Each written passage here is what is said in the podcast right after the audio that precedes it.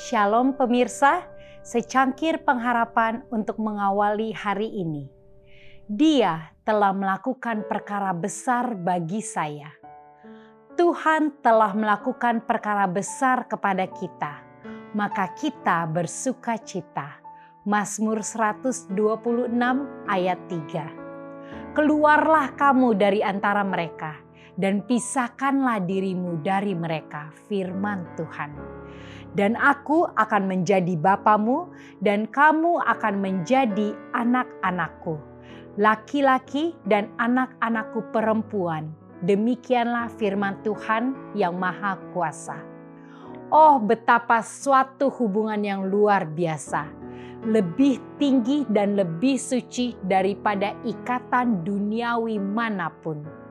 Tuhan mengangkat Anda ke dalam keluarganya anda menjadi anggota keluarga kerajaan, putra dan putri raja yang memerintah di surga. Dapatkah Anda menginginkan posisi yang lebih mulia daripada yang dijanjikan di sini? Apakah ini tidak cukup? Kata malaikat itu, apa yang bisa Tuhan lakukan untuk anak-anak manusia lebih daripada yang telah Dia lakukan?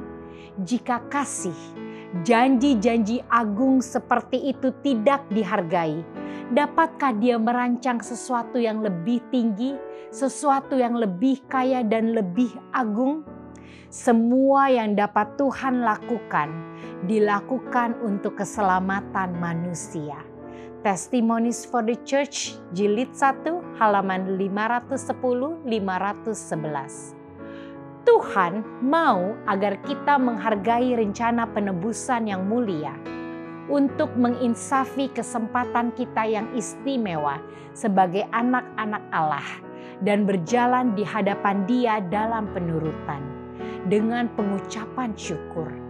Ia ingin agar kita menyembah Dia dalam kebaruan hidup dengan kegembiraan setiap hari ia rindu agar pengucapan syukur dalam hati kita, sebab nama kita tertulis dalam kitab kehidupan anak domba.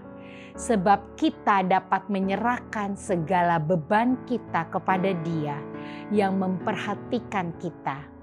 Ia menginginkan kita bersuka cita, sebab kita adalah waris Tuhan sebab kebenaran Kristus adalah jubah putih dari umat kesuciannya. Sebab kita mempunyai pengharapan yang berbahagia dari kedatangannya yang segera itu. Seri Membina Jilid 5 halaman 227-228. Demikianlah renungan kita hari ini. Selalu mulai harimu dengan secangkir pengharapan